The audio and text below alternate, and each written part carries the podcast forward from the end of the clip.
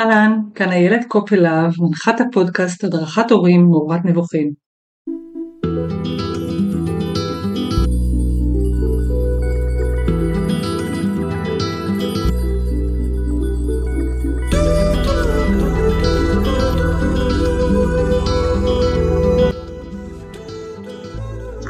אני מדריכת הורים בכל שלבי ההורות מאז שנת 2005. מלווה החל מההיריון כמכינה ללידה, ליוויתי לידות בעיקר בעבר, אני מדריכת הנקה וכמובן מנחת הורים לילדים בכל הגילאים.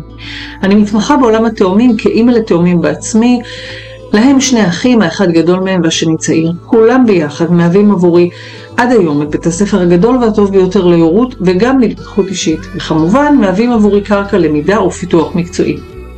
בפרק הזה נפגשתי לשוחח עם שירן לוי, שהיא קלינאית תקשורת, וביחד דיברנו על אתגרי שפה ודיבור אצל תינוקות, פעוטות וגם ילדים בגילאים השונים. נושא מרתק וחשוב במיוחד בכל שלב. אם קיבלתם ערך בפרק, אשמח שתשתפו אותי וגם תעבירו הלאה ותשתפו הורים אחרים. האזנה נעימה. אהלן, שירן, מה שלומך? שלום שלום, בסדר גמור, מה שלומך? ממש בסדר גמור לרגע זה. רצוי כן. ברגע הזה בסדר, וזה לא פחות חשוב, לשים לב רגע לרגע.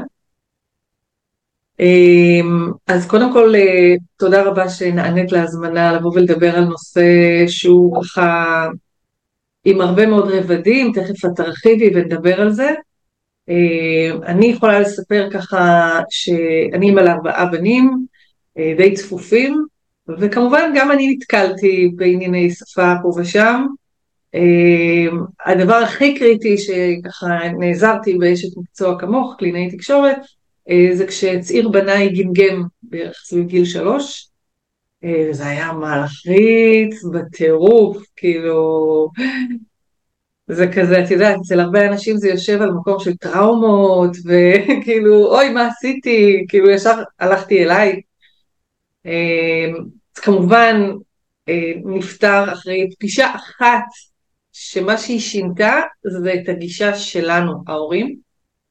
זה היה פשוט אה, חוויה מכוננת, כאילו היא נתנה לנו ברמה של כמה טיפים שנייה איך להתנהל בגן, איך להתנהל בבית, יש לו בכל זאת שלושה אחים יותר גדולים ממנו, שעל זה זה ישב כמובן. וברגע שאנחנו עשינו את הסוויץ' במוח, כאילו למחרת נעלם הגמגום. אני הייתי בשוק איך יכול להיות שדבר, וזה היה די חזק, אי אפשר היה לפספס את זה, וזה היה פשוט כאילו ממש אה, מכונן מבחינתי להבין כמה, את יודעת, אנחנו חושבים לעצמנו בראש דברים, ומישהו, איש מקצוע כמו שאני, בתחום שלי, בא עושה רגע איזה סדר, או, העניינים כן. קרים, כמעט ברמה הזאתי. אה, אז בואי קודם כל ספרי לנו מה זה קלינאי תקשורת, אה, מה, לאיזה תחום, אה, מה שנקרא דיסציפליני זה שייך, או האם זה עומד בפני עצמו, ככה לפשט את זה טיפה. וואו, תראי, את רק שואלת אותי ו... ועולה לי החיוך לפנים, אז זה כבר אומר הרבה. קודם כל זה מקצוע מדהים, מספק, כל כך כל כך משמעותי. Um, המטרה שלו זה בעצם לשפר איכות חיים של אנשים, ממש ככה. הוא כן מתייחס לכל התחומים שקשורים ליכולת שלנו להעביר ולקבל מסרים, להתבטא, um, לתקשר עם הסביבה שלנו, אבל באמת הדבר הזה הוא מורכב מכל מיני דברים. אז uh, אנחנו עוסקים בתחומים של שמיעה, uh, קול, ממש איכות הקול, uh, גמגום כמו שאמרת, שפה, דיבור, כל אחד כזה, כל, כל דבר כזה זה עולם בפני עצמו. Um, תקשורת תומכת חלופית, uh, והוא באמת מתייחס ל... um, ממש מגיל לידה עד, uh, עד שיבה טובה. Um, ואת יודעת, הרבה פעמים שאני חושבת על המקצוע שלי, אני חושבת על זה שאנחנו בעצם עוסקים, ב...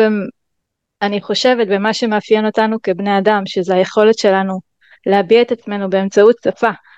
כמה זה משמעותי, כמה זה, זה חלק בלתי נפרד מה, מהחיים שלנו, ממי, שענן, ממי שאנחנו, כמה זה משמעותי. אמ, לגמרי, לגמרי, אני מאוד מאמינה בכלי כביטוי, והוא בעצם כשיש הפרעה, היא, היא מגיעה ממקום אפילו עמוק יותר, זאת אומרת, אם זה אפילו כאב גרון, או צרידות, או באמת איברים אחרים שקשורים לביטוי, כמו שאמרת, שמיעה, כשיש ירידה בשמיעה, ועוד, אני מתארת לעצמי כל דבר שאפשר, ובאמת מעניין אותי אם את כאשת מקצוע שבה ככה מדיסציפלינה אקדמאית, את, את יודעת לראות את התמונה הרחבה יותר של האזורים האלה? את, את עוסקת בזה בעצמך? אז אני כן אגיד שקודם כל זה שייך למקצועות הבריאות, אה, לא ציינתי את זה.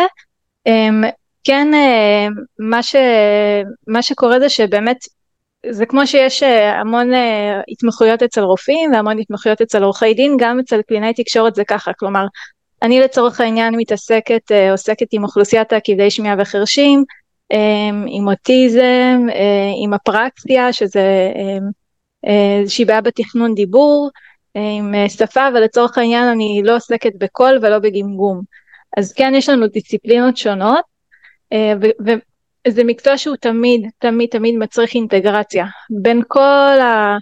לא רק בתוך ה... לא רק אה, במידע שהוא קשור למקצוע שלנו, אלא באופן כללי על ההתנהגות, היחסים בתוך המשפחה, מה קורה בגן, מה קורה בבית, אנחנו ממש עושות איזושהי אינטגרציה ושילוב של כל המידע. ו- ומצד שני גם מפרקות, קצת כמו מה שאת תיארת שאת חווית עם הבן שלך, שאת חווית איזשהו, אה, איזושהי חוויה של גמגום, שאגב יכול להיות שזה היה חוסר שטף התפתחותי ולא גמגום, אה, שזה מב- מבלבל וזה זה יכול לבלבל חוסר הורים. מה? תחזרי על זה? חוסר, חוסר שטף התפתחותי.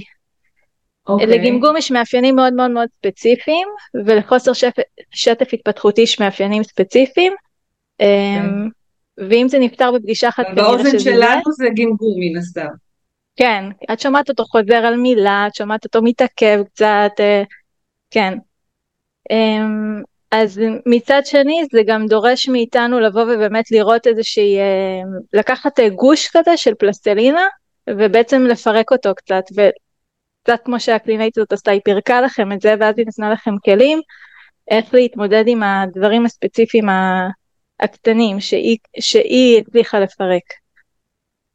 כן, לגמרי, אבל שוב אני גם אומרת, אני משערת שכמו שאת אומרת, המכלול הזה ומה שאני הרגשתי אז, זה היה למשל היותו צעיר הבנים, אה, הם כבר דיברו יותר שוטף ממנו, והוא תמיד איכשהו נדחק, כאילו, לא, אחד הדברים שהיא עבדה עליהם זה היה לתת לו לסיים את המשפט עד הסוף.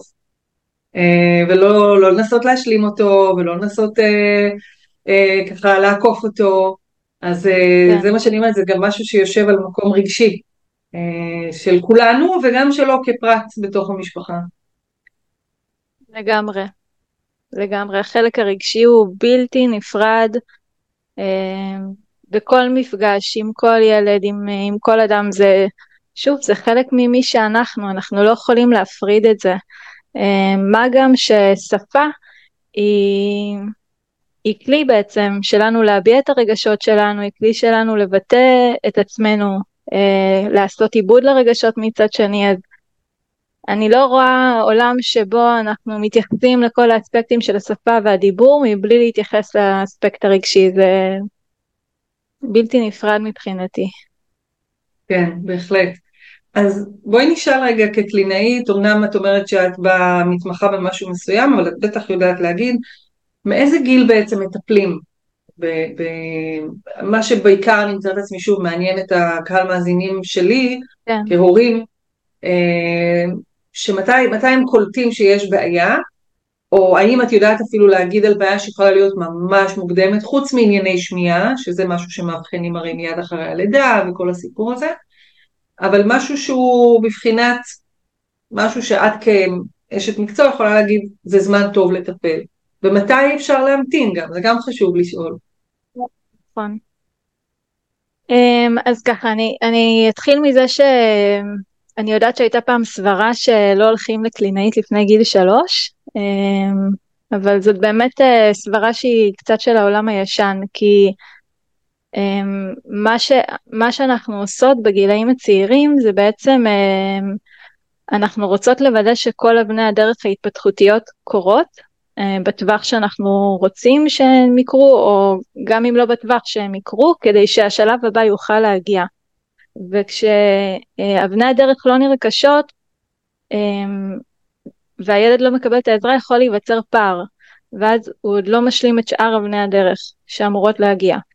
אז לשאלתך, אמ, אני, היום אני רואה שהורים שמים, סליחה, שמים לב כבר בגיל שנה, שנה וחצי, הם, הם כבר שמים לב שאין מספיק מילים, שהילד לא מספיק מביע את עצמו, מאוד שמים לב לפן של הבעת שפה ולדיבור, אבל אני כן אומר שיש אוכלוסיות שהן במעקב כבר מגיל לידה, שאנחנו יודעים שאנחנו צריכים לעקוב אחריהם, לצורך העניין תסמונות למיניהם, או כמו שאמרת, ילדים שלא עברו סינון שמיעה.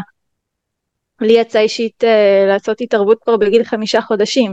שוב, מהמקום הזה שאנחנו רוצים שה, שהפעוט יוכל באמת להשיג את אבני הדרך שאמורות להגיע בגיל הזה, ש... כדי שהוא יוכל להתקדם לשלבים הבאים. אז... Uh, תני לי דוגמה אז... להתערבות, או, או דוגמאות ככה, שנבין למה את מתכוונת התערבות בגיל מוקדם.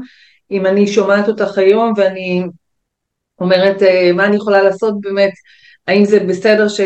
ואגב, אני גם אציין, הרבה מהקהל שלי זה הורים לתאומים, mm-hmm. שזה כן. אוכלוסייה בפני עצמה שאני משערת שאתם גם יודעים לעבוד איתה אחרת.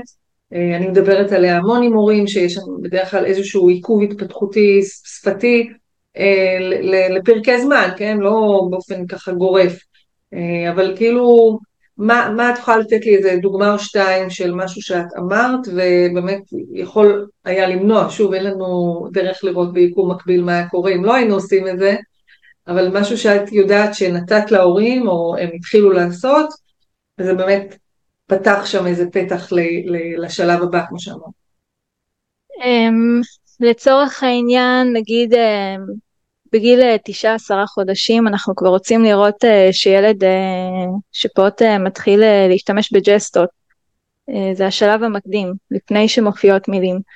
אז כן, לצורך העניין אני רואה שילד שפעוט עוד אין ג'סטות, אז אנחנו מנחים את ההורים איך לחשוף אותו לג'סטות, כי המון מהלמידה היא כמובן דרך חשיפה ודרך חיקוי של הפעוט. מה זה ג'סטות? מחוות של. כן, ג'סטות, לצורך העניין, אה, אה, ג'סטות של הצבעה נגיד, או שתת יד, אה, ג'סטות שבעצם הן נותנות לפעוט את האופציה להתחיל לתקשר ולהביע רצונות וליזום. אז אנחנו, אז לצורך העניין כן, אנחנו נכוון הורים להנחיל ג'סטות לפעוט, שהוא יתחיל להראות יוזמה, זה לא משהו שבא לו באופן ספונטני? כאילו, אני לא זוכרת שהראיתי לילדים שלי, אולי בצורה לא מודעת, אבל כאילו, הנה אור, כאילו זה היה זה? ולזה את מתכוונת? כן, לצורך העניין, כן.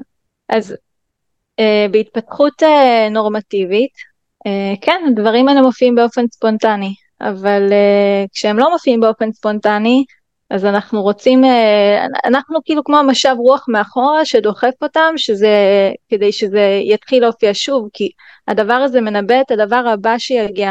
אנחנו לא מסתכלים רק על הנקודה הקרובה, כלומר על השלב ההתפתחותי הבא שאנחנו רוצים, אנחנו גם מסתכלים עליו בתוך שרשרת של שלבים התפתחותיים, כי אני יודעת לאן אני רוצה שהוא יגיע בהמשך. אז השלב, כל שלב הוא חשוב גם בפני עצמו וגם כי הוא, אה, כי הוא בעצם לפני השלב הבא שמגיע. אז לא, לא יכולות להיות פיצות. גם אם יש, אז יישארו בורות כאלה שאנחנו צריכים למלא אותם.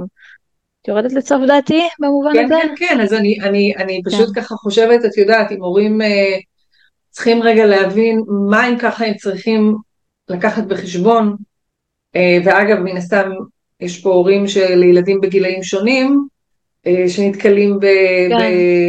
באתגרים כאלה ואחרים היום, אני לא אקח אותם ואני אגיד, אוקיי, לא עשיתם ככה וככה וככה, בסדר? אבל אם את כן. רגע פורסת את זה בתור משהו ש...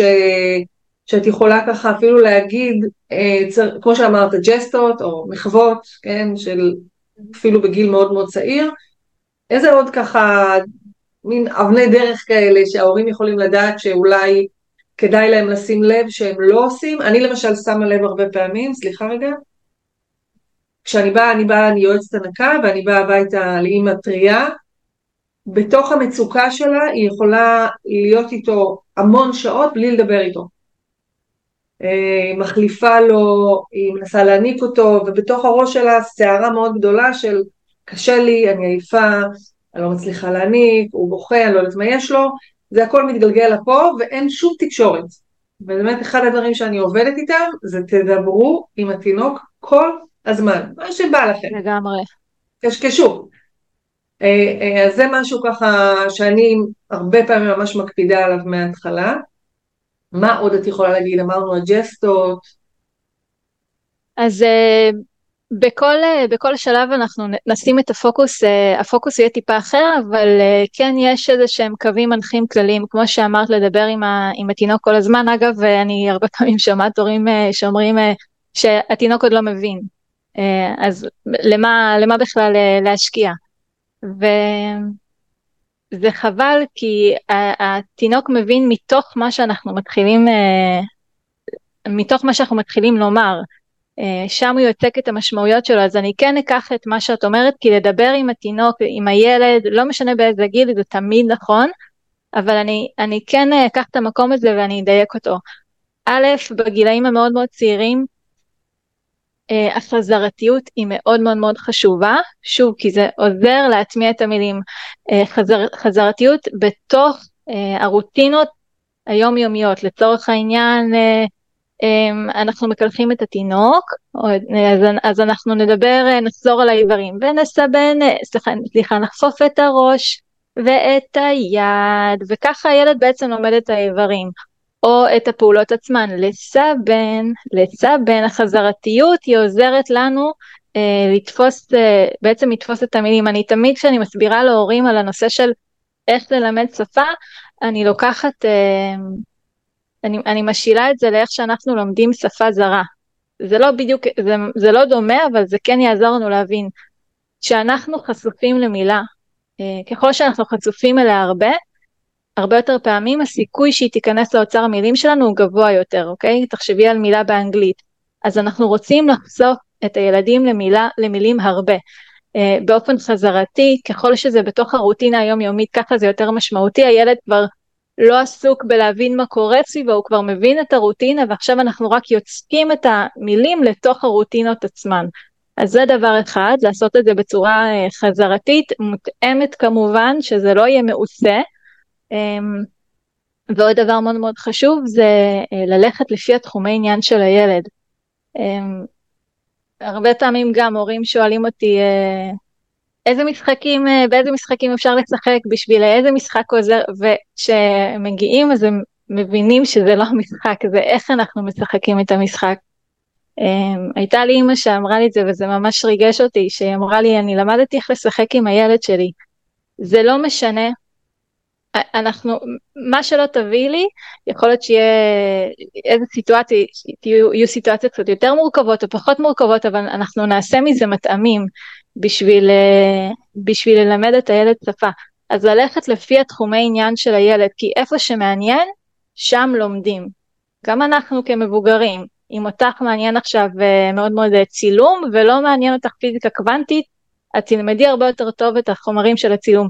אז גם אצל ילדים, איפה שמעניין, שם הם ילמדו שפה. אם ילד מאוד מאוד מתעניין במכוניות ובכלי תחבורה, אז אנחנו שם נתייחס לכל האספקטים של השפה, ואם ילד מאוד מעניין אותו, אה, אני לא יודעת מה, אה, בישול, או אה, הוא מאוד מתעסק ב... אה, לא יודעת מה, אפילו במפתחות, אה, שהם אוהבים אה, להכניס את המפתחות ולהוציא אותם אה, מהדלת, אז לכל דבר כזה אפשר ליצוק שפה.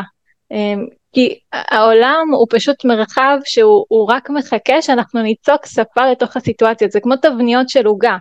וברגע שאנחנו עושים את השיפט הזה ומבינים אותו, אז הרבה יותר קל לנו אה, לחשוף את הילד ו- ו- ולהתייחס שם לכל האספקטים. זה בעצם מצמצם קצת את התחושת אין אונים הזאת, של כאילו אם יש שם קושי, אז אני לא צריכה עכשיו לחשוב איך הוא ידבר בעוד איקס שנים, אלא יש עכשיו, כמו שאת אומרת, זה משהו מאוד מאוד ספציפי, ואני יכולה לקחת אותו ולשים בו איזה עוגן, פשוט uh, לשחק איתו.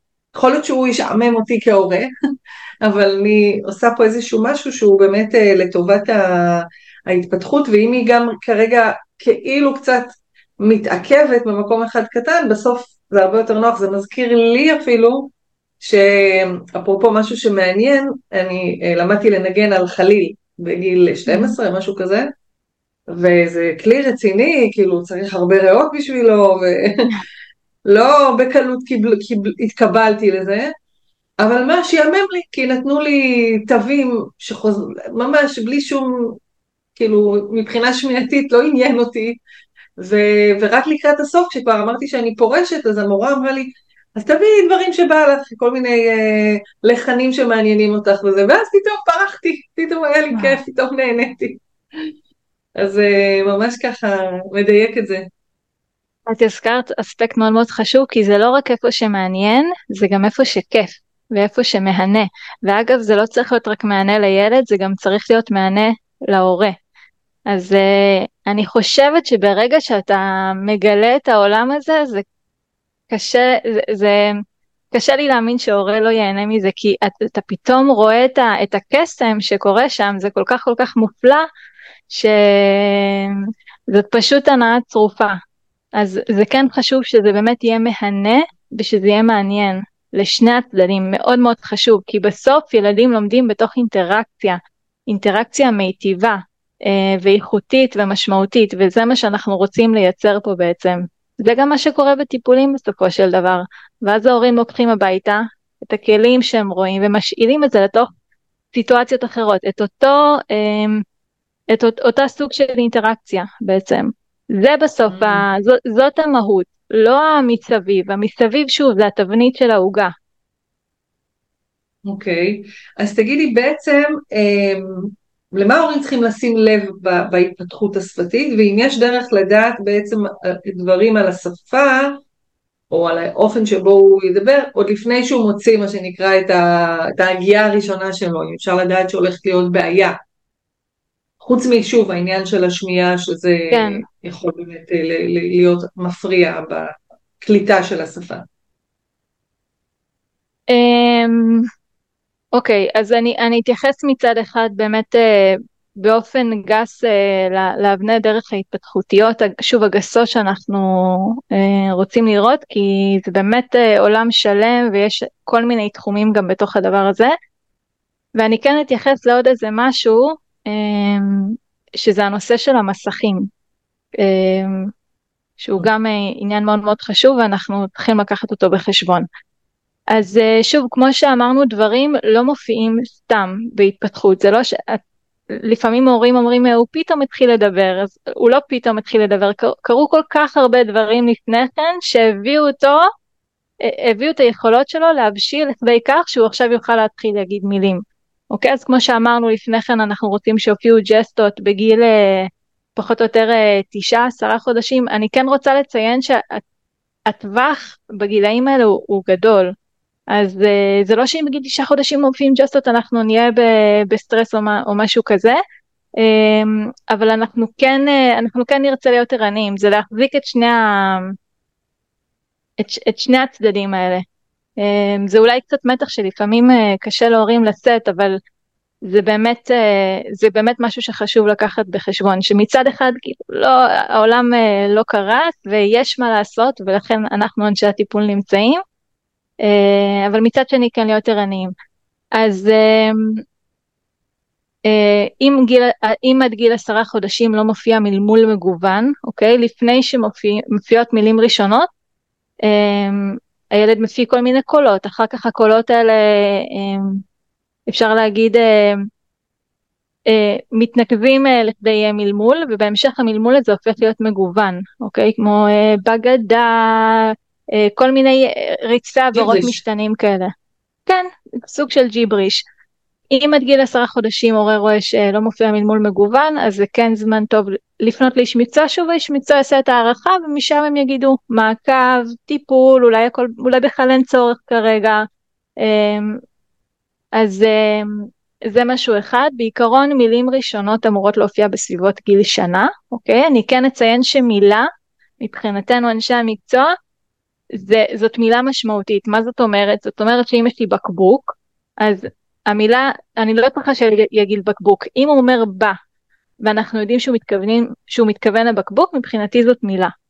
אוקיי? אז מילים ראשונות מופיעות בגיל, אה, בסביבות גיל שנה, אבל אם אנחנו רואים שעד גיל שנה וחצי אין לפחות עשר מילים ראשונות, אני מחמירה ואני אומרת שעשרים, אז, אז כן לפנות מאיש, לאיש מקצוע, כי אנחנו רוצים בשלב כזה שיהיה כבר אוצר מילים מגוון, שיהיו מספיק מילים כדי שאחרי זה הוא יתחיל לצרף אותיו. שוב, המחשבה שלנו היא תמיד כבר איך השלב הנוכחי הוא לא רק בפני עצמו, איך הוא משרת את השלב הבא שאמור להגיע. אמ, בגיל 18 חודשים בערך אמורים להופיע צירופים של שתי מילים, אוקיי? נגיד אימא אה, בואי, או עוד תפוח, עוד אוטו, גם אם הוא אומר נגיד אה, או פו, שזה עוד תפוח, מבחינתי זה צירוף, אוקיי? אנחנו עושים הפרדה בין השפה לבין הדיבור, אני כבר אתייחס לזה. אמ, שפה את מתכוונת המילים בשלמותן, לעומת דיבור שזה ההגייה. סליחה, ההגייה של הרצון, של הפנייה, של מה שיש שם. הדיבור זה הפן הטכני, מה קורה בפה שלנו, איזה, mm-hmm. איך ההגאים, מה קורה מוטורי, והשפה זה הסוגים של המילים, התחביר, הדקדוק. אמ, כמו שאמרנו, אנחנו, עושים, אנחנו כבר עושים את האינטגרציה הזאת, אבל גם יש את ההפרדה. אמ, אז אה, בגיל, אם עד גיל שנתיים אנחנו רואים שלא מופיעים צירופים של שני מילים, זה זמן טוב לפנות לאיש מקצוע. אה, ואם עד גיל שנתיים וחצי אנחנו רואים שלא מופיעים אה, משפטים פשוטים, קנונים, נושא נשוא מושא, נגיד אבא אוכל גלידה, אמא בואי הביתה, אז זה גם זמן טוב לפנות לאיש מקצוע. זהו, זה ממש בגסות, וכשנתייחס באמת לאבני דרך ההתפתחותיות, אז אנחנו קצת נעשה את הפירוק הזה של השפה, הדיבור וכולי. אוקיי, okay. ובעצם אחר כך אנחנו, מה, מה, מה, הרי יש את העניין, אחד הדברים שמטרידים הורים זה באמת האותיות, זאת אומרת שאין אותיות מסוימות עד גיל מאוד מאוחר, לילדים שלי היה חבר ברמה קיצונית שלא היה לו לא רייש ולא למד. כן, ולבן שלי, שזה חבר שלו, קוראים אראל. וזה היה משעשע, הוא היה קורא לו אה-אה. זה היה בגיל חמש, כאילו לקראת שש כבר. אה, אני מתארת לעצמי שהיום הוא בסדר, הוא מדבר טוב. אה, מה, מה נורמטיבי באמת בגייה של האותיות? אז אה, גם להגאים יש נורמות. אמ, ובאמת אה, אני חושבת אה, זה אחד התחומים שההורים הכי שמים לב אליו, באמת אה, איזה הגאים הילד רכש ועוד לא רכש, אז גם להגאים יש נורמות, אני כן אגיד על רש ועל למד שרש אנחנו נתחיל לטפל פחות או יותר בגיל 4, כלומר הרכישה הטבעית של ילדים היא מגיל שלוש וחצי עד גיל ארבע, אז אנחנו כן נותנים את הטווח ואת הזמן הזה להבשלה הטבעית, אם, אם עד גיל ארבע אנחנו רואים שלא מופיע רשע, אנחנו נתחיל לטפל, אבל כן חשוב להגיד שגם אנחנו לא נתחיל לטפל לפני. כלומר, אנחנו כן צריכים לתת את ההבשלה הטבעית, להבשלה הטבעית הזאת לקרות. אנחנו לא נרצה לבצע הת... התערבות לפני שהילד בכלל בשל, בשל לזה. אמ, אז אה, יש נורמות, אה, יש טבלה של דוקטור אביבית בן דוד שהיא קלינאי תקשורת, אה, וככה היא, היא ככה אספה נתונים וראתה מה הנורמות של רכישת הגאים בשפה העברית, אז אה, רוב ההגאים אה, נרכשים בין גיל אה, שנתיים וחצי לשלוש, בואי נגיד ככה בהערכה גסה. אמ, הרש למד נרכשת גם בגיל שלוש, רש עד גיל ארבע, והשורקות, כן חשוב לציין שאנחנו ניתן להם זמן להבשיל עד גיל שש, אוקיי? השין, הסמך, כל השיבושים האלה, אבל גם חשוב להגיד שזה תלוי איזה שיבושים הילד מבצע, כי אנחנו לא מסתכלים רק על ה... איזה הגאים יש או אין, אנחנו גם מסתכלים על איזה שיבושים הילד מבצע, אם השיבושים האלה הם התפתחותיים או לא התפתחותיים. מה ההבדל? שאלה חשובה. Uh, ההבדל הוא ששוב, כמו, ש... כמו שיש אה, נורמות וטווחים uh, לכל דבר ברכישה, אז יש גם שיבושים שהם uh, טבעיים ואנחנו ניתן להם לקרות לצורך העניין. Um, אם uh, ילד יגיד, um, יש שיבוש שקוראים לו בקינג, שזה כאילו לקחת את כל ההגאים אחורה, או חלק מההגאים אחורה. אז לצורך העניין, uh, אם ילד, אם ילד יגיד אוקו במקום אוטו בגיל שנה וחצי, אנחנו בסדר עם זה, אבל אם בגיל שלוש הוא יגיד את זה, אז זה כבר לא יהיה התפתחותי. זה מה שנקרא טופה לטוטוריטו, נכון? זה אותו... מה זה? את מכירה את הסיפור קופלה טוטוריטו? לא, לא. אוי, איזה קלינאית, את חייבת ללמוד את הסיפור הזה. זה סיפור אה, יהודי כזה שמסופר באיזושהי עיירה באירופה, שילד שקראו לו קופלה, והוא היה אוהב אה, לראות את התרנגול שהיה קורא את הקריאה, אבל לא היה, לא היה לו ציטט, אז היה עושה טוטוריטו. אז היו קוראים לו טופלה טוטוריטו. אז מה שהוא עשה זה fronting, הוא לקח את ההגאים האחוריים והוא לקח אותם קדימה, לקדמת הפה. מעניין, כן. מעניין, אני גם זוכרת ג' וד', זה גם משהו שהם מבלבלים הרבה, נכון? נכון, אם לוקחים את הד' לג' זה backing, ואם לוקחים את הג' לד' זה fronting. תנסי להגיד דה ולהגיד גה, ההבדל היחידי זה נכון. המיקום בלשון. וואלה. וגם קצת המפתח כן. של הלסת.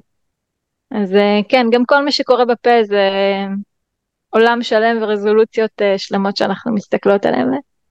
קסום ומופלא. זה, מקסים, זה אה, מחזיר אותי באמת לילדות, ככה הייתה לחברה שלי בת שהייתה גם כן משבשת את ה, גם את הקוף והתף, כאילו את הטטק, אז היא הייתה צועקת חתולי, כשהיינו הולכים לטייל והייתה רוצה שפשוט נחכה לה, חכו לי. חשבנו שהיא אומרת אה, שהיא רואה חתולי.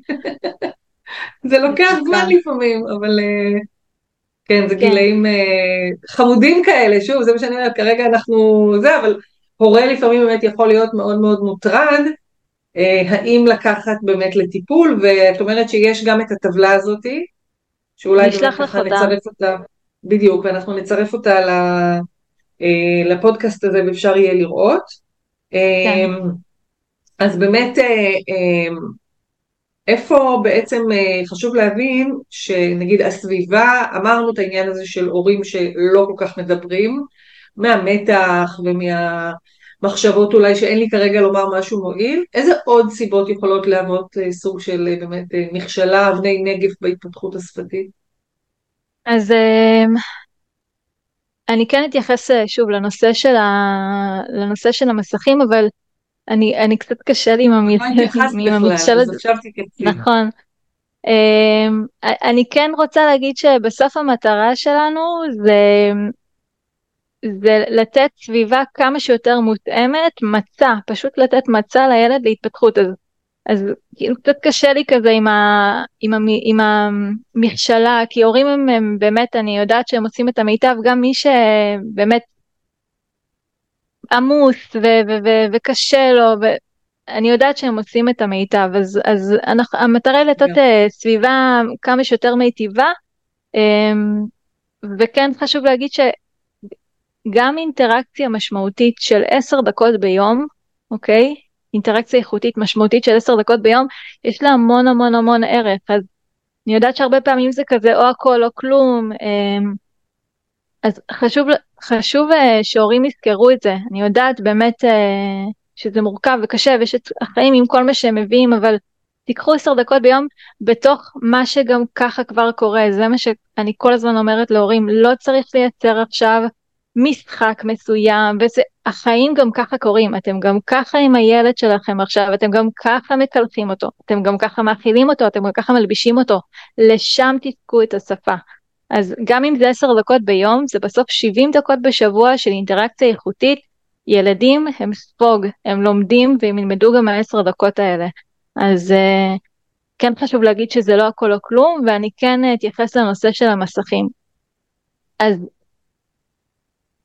אף אחד לא חף מזה, לא אנחנו המבוגרים, לא ילדים, אה, פעוטות כבר אה, נולדים לתוך העולם הזה, יש אפילו מושג שנקרא היום אוריינות טכנולוגית, אני לא יודעת אם שמעת עליו, אמ, שזה באמת אה, מה שאנחנו אומרים כזה על הפעוטות, שזה כבר אינטואיטיבי, שהם יודעים ככה להחליק והם יודעים, אה, זה כבר, אה, זה, זה ממש איזושהי יכולת, קוראים לזה אוריינות טכנולוגית, וכשמה כן היא.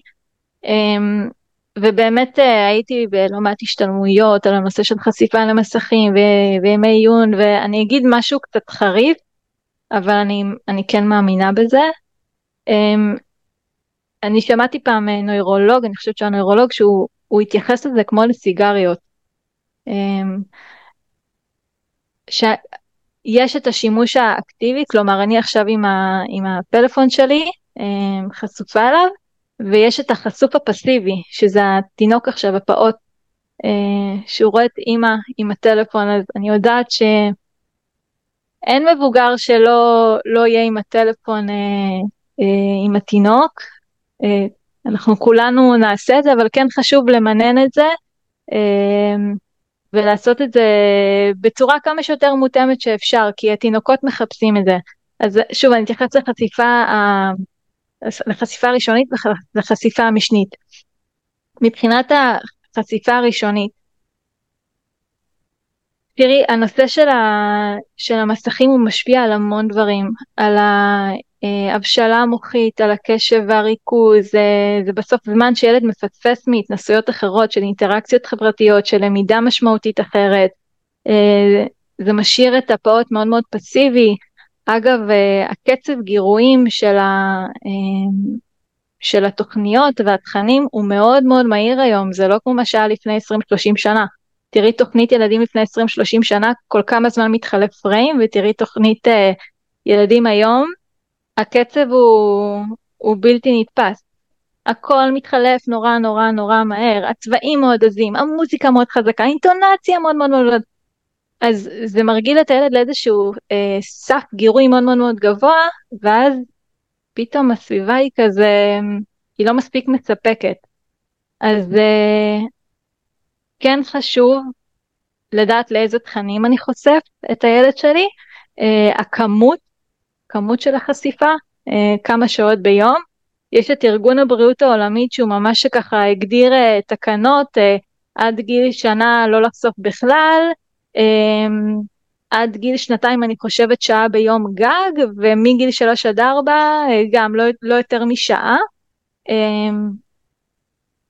שוב, החיים, המורכבות שלהם, אבל כן לקחת את זה בחשבון, אני גם יש בי חלק שמאמין שכל הורה כזה זה יושב לו פה והוא לא, הוא יודע שזה לא, שזה לא מומלץ, אבל כן שוב יש דרך לעשות את זה, כי אי אפשר להימנע מזה בכלל, אנחנו לא, לא מנסים, אה, אנחנו לא יכולים לשנות את העולם שבו אנחנו חיים, אבל אנחנו כן רוצים אה, לדעת איך, אה, איך להתייחס לזה, אז שוב, התכנים, לדעת איזה תכנים אני חושף את הילד שלי, אם אני יכול להיות בתוך ה...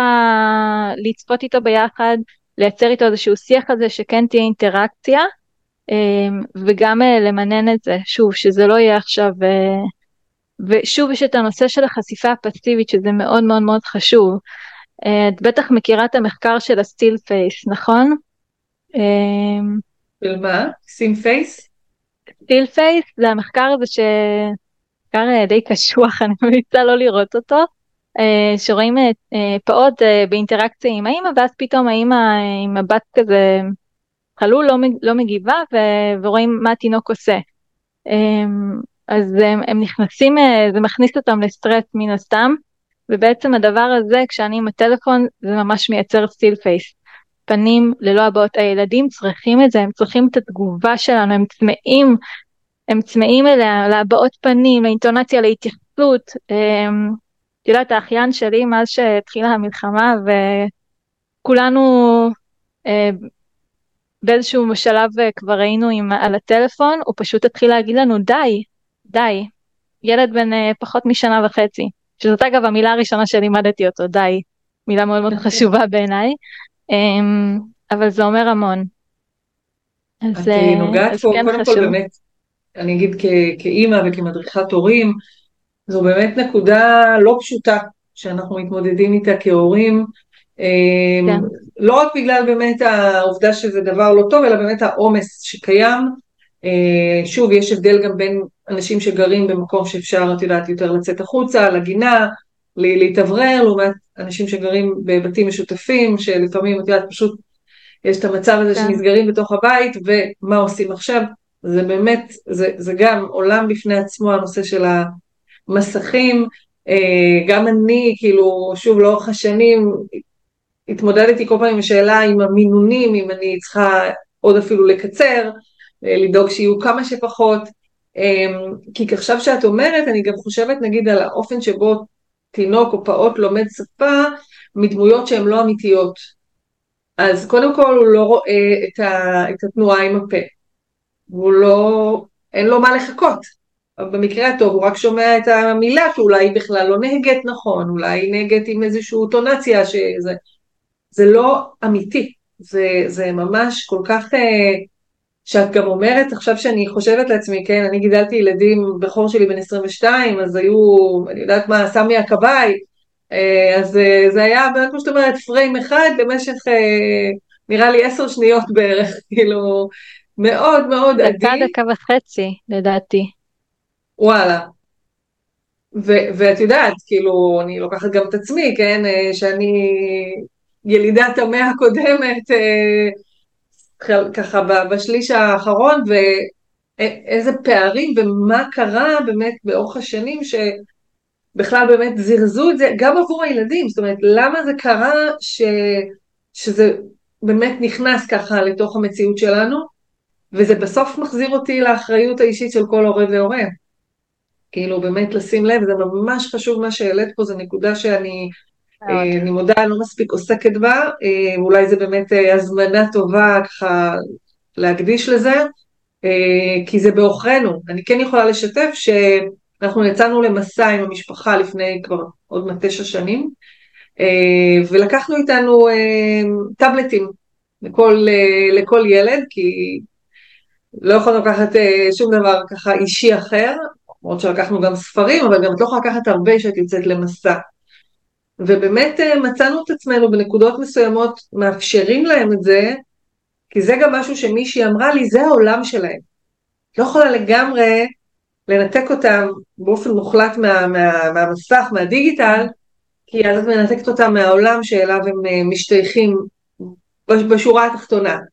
אז שוב, הכל באמת חוזר למינונים ו- ול- נכון. ולוויסותים, ויכולת עצמית להגיד אוקיי זהו סיימתי ואני רואה את זה על הילדים שלי גם היום, ברור שהם כבר בגילאים שהם יותר כמו מבוגרים, כן, נסחפים לגלילה האינסופית כן. הזאת של הרילס וכל זה, וזה בעוכרינו הסיפור הזה, ואני חושבת שזה גם משפיע עלינו, אפילו על נושא השפה, כמה אנחנו באמת ברור. יושבים במשפחה ומדברים, יש תמיד את כל התמונות האלה שרואים את כולם עם, עם, עם הטלפון והם יושבים מסביב לשולחן.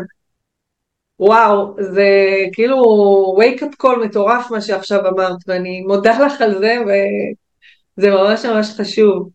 אמ, חוזר לזה אגב, סליחה שאני, אה, זה פשוט אה, באמת אה, נקודה ששווה להתעכב עליה, זה חוזר למה, שס, למה שאמרנו, ששפה היא נרכשת דרך אינטראקציות משמעותיות.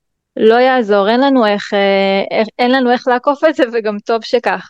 היה איזה מחקר של, אה, אה, של ללמד ילדים קוריאנית אני חושבת, אני לא זוכרת את המחקר לפרטי פרטים אבל ממש הייתה מישהי שלימדה את, המילים, את הילדים מילים ממש באינטראקציה משמעותית, זה היה ילדים אמריקאים שלמדו קוריאנית והיו כאלה שלמדו דרך דרך מסך לא באינטראקציה, שוב כי אינטראקציה במסך היא גם אינטראקציה כמו שאני ואת כרגע אה, עושות, אז ממש אה, ראו פער משמעותי בין הכמות מילים שנרכשו באינטראקציה משמעותית לבין הכמות מילים שנרכשו ככה סתם מחשיפה ל, אה, למסכים, אז שוב הצפה הנרכשת דרך אינטראקציה משמעותית זה זה המים של ה... שמצמיחים את הצמח הזה, שנקרא ילד. אה, הוא צריך את זה, לא רק בשביל שפה, אגב, בשביל כל דבר צריך אינטראקציה משמעותית, בגלל זה אני באמת חושבת שהמקצוע שלנו יש בו משהו כל כך כל כך מהותי, כי הוא בסוף חוזר לזה, לפינג פונג הזה של אני אתה, אני אתה, אני אתה, שם קורים כל הדברים, שם זה, זה ה... זאת המהות, אני חושבת שזאת המהות שלנו בסוף. זה מה שאנחנו עושים פה ואנחנו צריכים שהמפגש הזה שהוא יהיה כמה שיותר איכותי, כמובן גם אצלנו כמבוגרים, אבל אצל ילד הוא צריך את זה כי זה, זה המצע שלו, משם הוא צומח, שם הוא לומד, שם קורים הדברים. וכשזה לא קורה וכשילד חשוף למסכים הוא מפספס את זה. הוא צריך, ילדים צריכים, כולנו צריכים כמה שיותר התנסויות בשביל ללמוד, בשביל להתפתח, בשביל להתמקצע במה שאנחנו לא, לא לומדים. אז uh, אנחנו צריכים לייצר את זה. לגמרי, כן. לגמרי, זה... זה גם ככה לוקח אותי למחשבה של, את יודעת, אני כמדריכת הורים, אז עוד פעם, הורה מגיע עם איזושהי מחשבה שלילד שלו יש איזושהי בעיה, בדיוק כמו שהוא מגיע אלייך. אבל הדבר הבסיסי שעליו אני באמת משתיתה את התהליך, את הטיפול, את הייעוץ, זה על הקשר. זאת אומרת, כל מה שיכול להיות בעיה, בסוף יושב על הקשר, אה, גם על ההבנה הזאת, כן, של, של אה, מה, מה הילד רוצה להגיד לי, אבל גם באמת על, על רמת האינטראקציה שיש. אה, ואת רואה, הורים שבאופן יותר סיסטמטי ואולי קדום, גם שלהם, שאולי איתם לא דיברו, וכל נושא של, את יודעת, שיתוף, רגש וכן הלאה, אז זה בסופו של דבר, אני מאמינה שזה מה שאת עושה גם, לקחת את ההורה הזה, ואני ככה אומרת לעצמי, זה חייב להיות אפילו בשיתוף עם uh, מדריכת הורים, כי זה נשמע כמו משהו שהוא באמת מעטפת כזאת, היא יותר uh, גדולה מאשר רק uh, לעזור לילד להתחיל להגיד אות מסוימת, אחרת ממה שהוא אמר עד עכשיו, נכון? ממש, ממש, ממש ככה. Um, גם כשבסוף יש איזשהו קושי שהוא קושי uh, בואי נגיד ראשוני של הילד, שהוא לא באמת אה, יושב על הקשר, בסוף הקשר, אה, אנחנו לא יכולים בלעדיו, בואי נגיד ככה, אי אפשר בלי זה. אמ, וגם באמת שיש קושי בדיבור, ויש ילדים שהקושי שלהם בדיבור הוא לא ברמת הרש והלמד, זה ברמת ה... לא, אף אחד לא מבין מה הילד אומר, אה, והוא מאוד מאוד מתוסכל מזה. אז אנחנו חייבים לייצר שם קשר מיטיב, או, או לדייק שם את המקומות בקשר שיאפשרו לילד להרגיש ביטחון. אמ, ואת יודעת, גם בסוף להתנסות באופן חוזר במקום שאני אגיד אה, לגוף שלו קשה לעשות, הפה שלו קשה לו עכשיו אה, לבוא ולהגיד כל מיני הגאים, והוא חוזר ומתאמץ, ובאמת ילדים אה, מופלאים, אז אנחנו חייבים לייצר שם קשר מיטיב, כי הילד כל פעם נפגש עם המקום שבו קשה לו. ואנחנו רוצים לתת לו את הדחיפה הזאת של כן אפשר, כן אתה יכול. אמ, אז אין, אין ספק, אין ספק שזה כן, זה, זה בלתי באמת נפרד. אחת השאלות ש, שנשאלתי אפילו באמת, ש, mm-hmm. של אימא שאומרת שהיא לא הוגה נכון את המילים. Okay. אה, כן. למשל, היא אומרת שהיא אומרת אה, אה, שהיא משבשת מילים, טוב, היא אומרת קראי במקום תראי, שזה אמרנו הקוף והתף. אה, אבל היא נתקעת עד שיוצא למשפט, היא חושבת לא מעט עד שהוא יוצא, וכשהוא יוצא הוא לא ממש ברור דיו, או לא נכון תחבירית. ושהיא גם הרבה פעמים לא ברורה, וזאת ילדה בת uh, כמעט ארבע. מה, מה היית אומרת על מקרה כזה נניח? Um, האמת שעוד עם כל המידע הזה עוד חסרים לי פרטים, אבל קודם כל הייתי אומרת שתפנה לאבחון קלינאית, כי שוב, היא, היא תוכל להסתכל על הרזולוציות בצורה קצת יותר אה, אה, מדויקת. אני, אני כן אכנס לזה טיפה כי זה חשוב, ואני רואה שלא נשארנו עוד הרבה זמן, וממש חשוב לי כזה, בכללי כזה do's and don'ts, הכי כללי שיש, okay, אה, קצת אוקיי, דיברנו okay. על הדוז.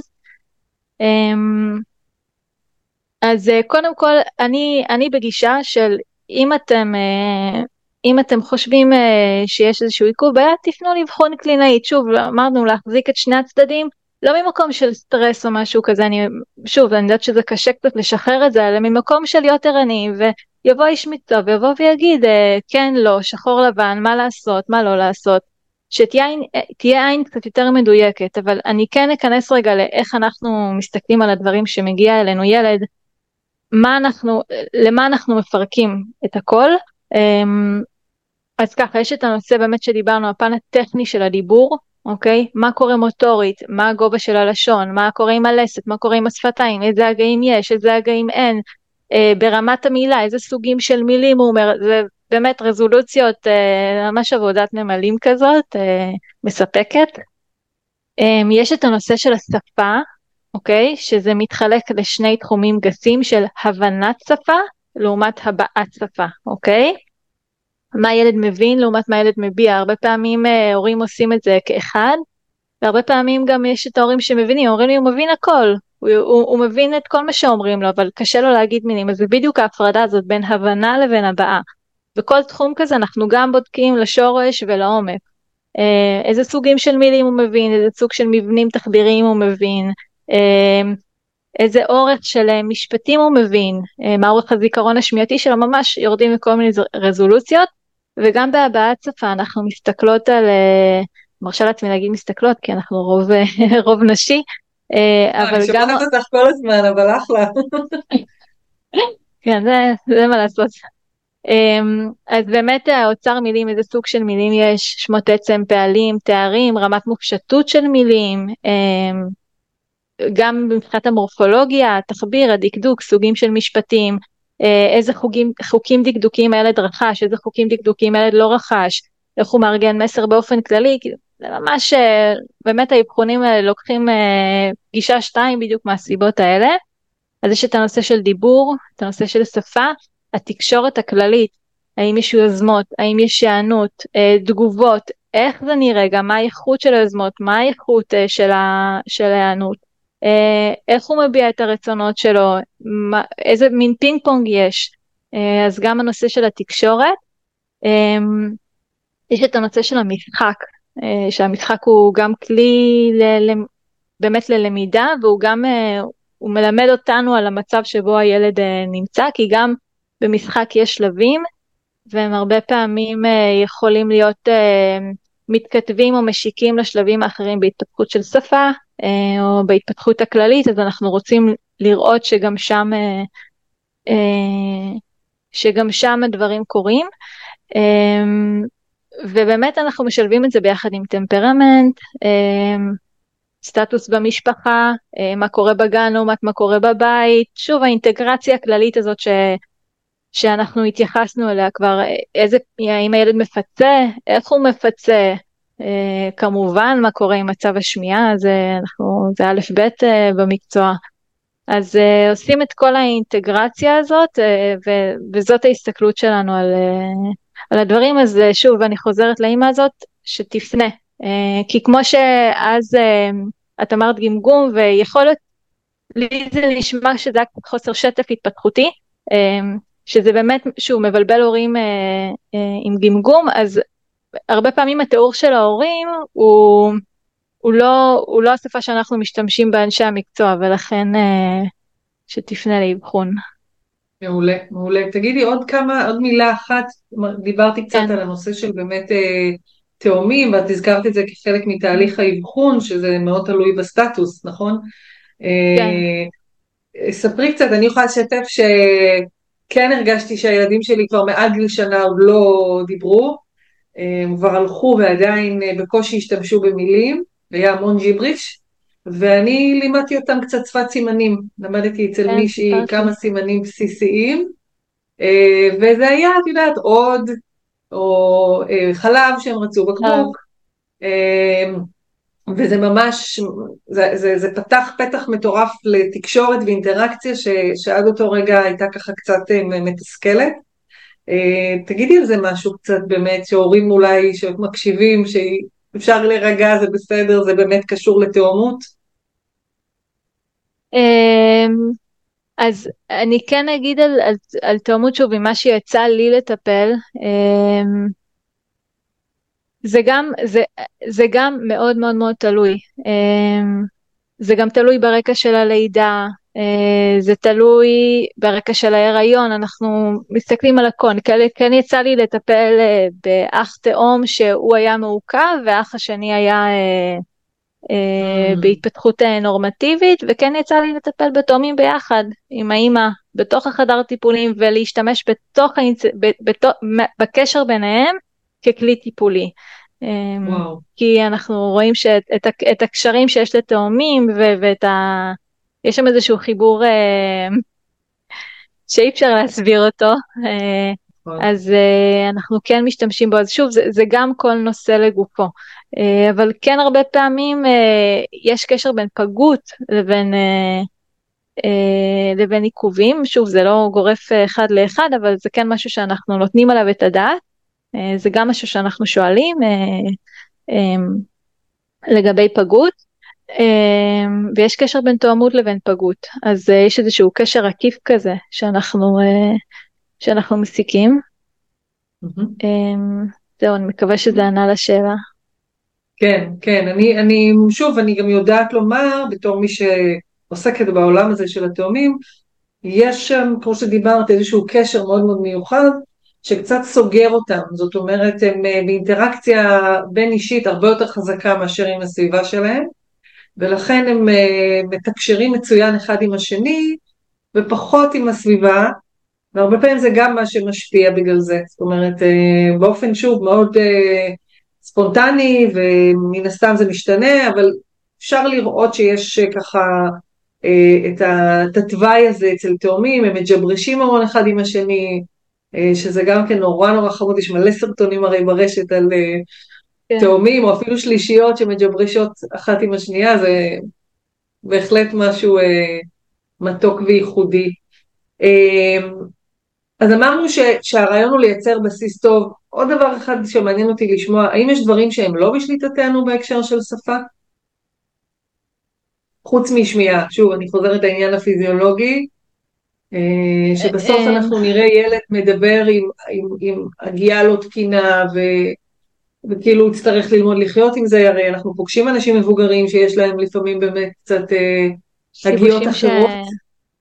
כן. אנחנו כאילו ישר שומעים, כן, אנשים שיש להם את הלמד או זה, וכאילו, ושואלת אותם אם נולדו בארץ אחרת ואומרים לך לא, נולדתי פה ודיברתי כמו כולם, זה נורא ככה מסקרן אותי. אמ, יש שיבושים ש... בואי נגיד שהם מאוד עיקשים, ואם אנחנו לא נטפל בהם אז הם כנראה לא יעברו מעצמם. אמ, mm-hmm. אני, אני כן אתייחס לשאלה שלך, ישר לוקחת אותי לא, לאוכלוסיות הקצת יותר uh, מורכבות, כלומר זה לא ברמת השיבוש של הלמד או הרש, אלא ברמת, כמו שאמרתי לך, ילדים עם אפרקסיה, שזה קושי בתכנון דיבור, uh, זה ממש uh, איזשהו קושי נוירולוגי. והם אה, הם כן, הם כן מתמודדים עם הקושי הזה, הם, הם התמודדו עם הקושי הזה, אבל המטרה היא כמה שיותר, בגלל זה המשמעות של טיפול והתערבות טיפולית כמה שיותר מוקדם היא, היא משמעותית. אז לשאלתך כן, יהיו כאלה שיתמודדו אה, עם הקושי הזה, עם, עם קושי שפתי, אה, אבל אנחנו שם מאחורה כדי שוב, אנחנו הרוח הגבית שנושבת ודוחפת קדימה ודוחפת קדימה. אז uh, ברור שלא הכל בשליטתנו, ודאי. Uh, גם האוכלוסייה על הרצף, uh, הם מן הסתם בשונות נוירולוגית מלכתחילה. אז באמת השונות הזאת תלווה אותם, היא תלווה אותם בבית ספר, בחטיבה, בתיכון, באוניברסיטה. ושוב, כמו שאמרתי, שפה זה משהו שהוא הוא חלק מהיותנו בני אדם, אז הדברים האלה באים לידי ביטוי גם בשפה. אה, מקווה שזה קצת אה, ענה על השאלה שלך.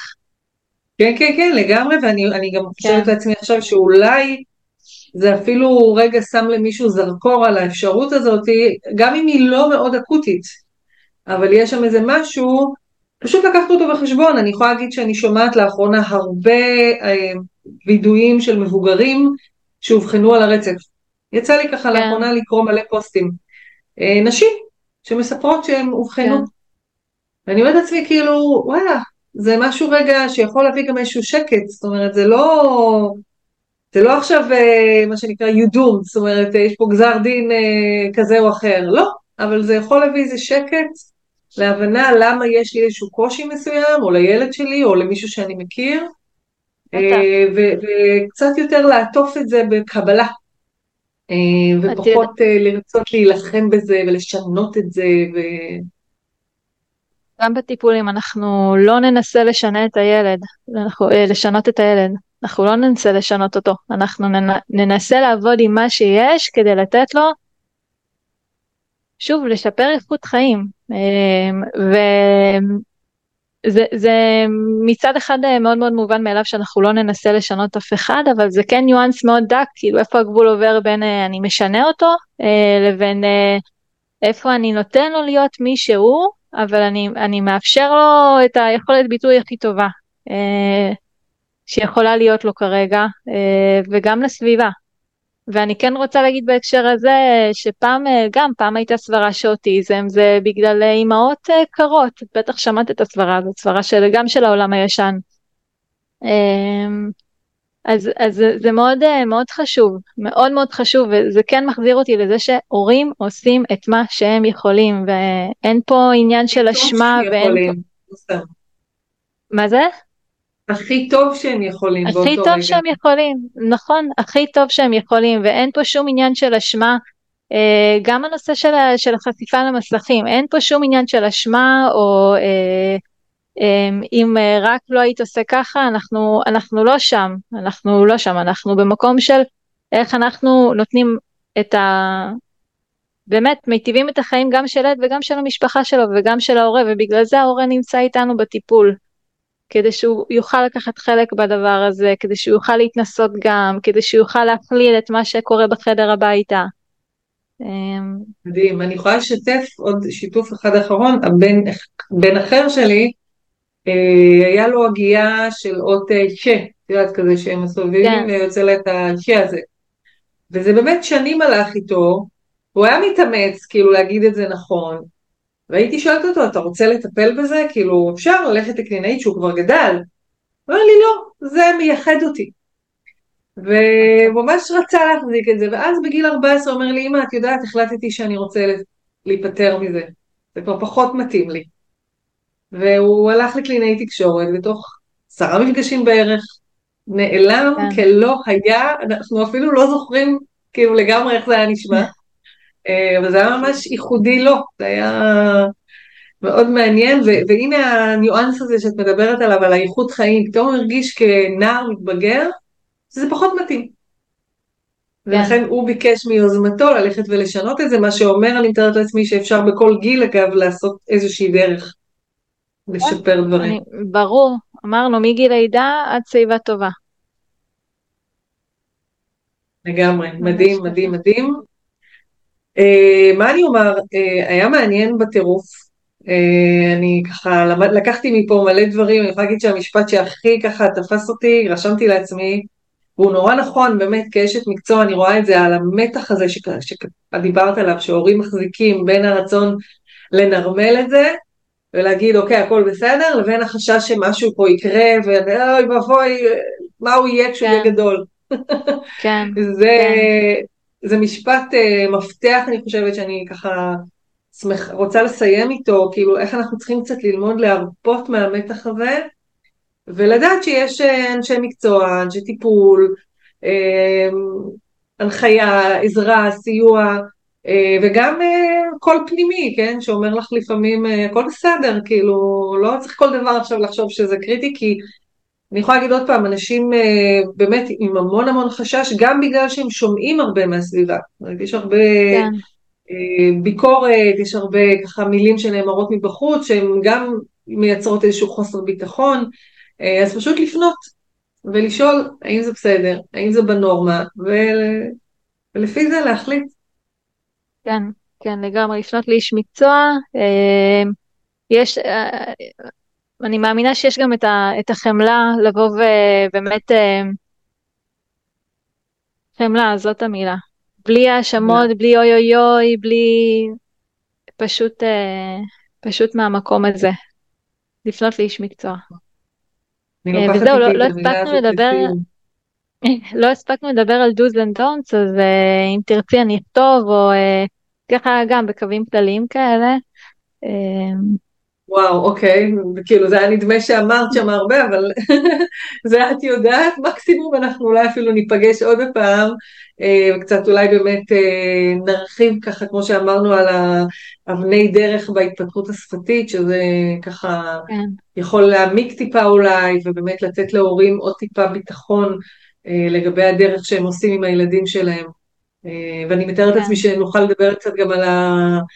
על הרעיון שלך לספר שאנחנו יודעות שאת רוצה להוציא אה, כסיוע להורים, אז יש לנו עוד על מה לדבר, שירן. כן, כן, אז שוב, לגמרי. תודה רבה. תודה לך, איילת, היה... אמרתי לך, זה בדמי. אני באמת חושבת שזה מידע שחשוב שלכל הורה יהיה, אז תודה על ה... מרחב שאפשרת לי להעביר את זה הלאה, ואני מקווה שזה היה לעזר להורים, ואני זמינה לשאלות. אנחנו נוסיף את הפרטים שלך וייצרו איתך קשר. תודה שירה. יופי, בשמחה, בשמחה רבה.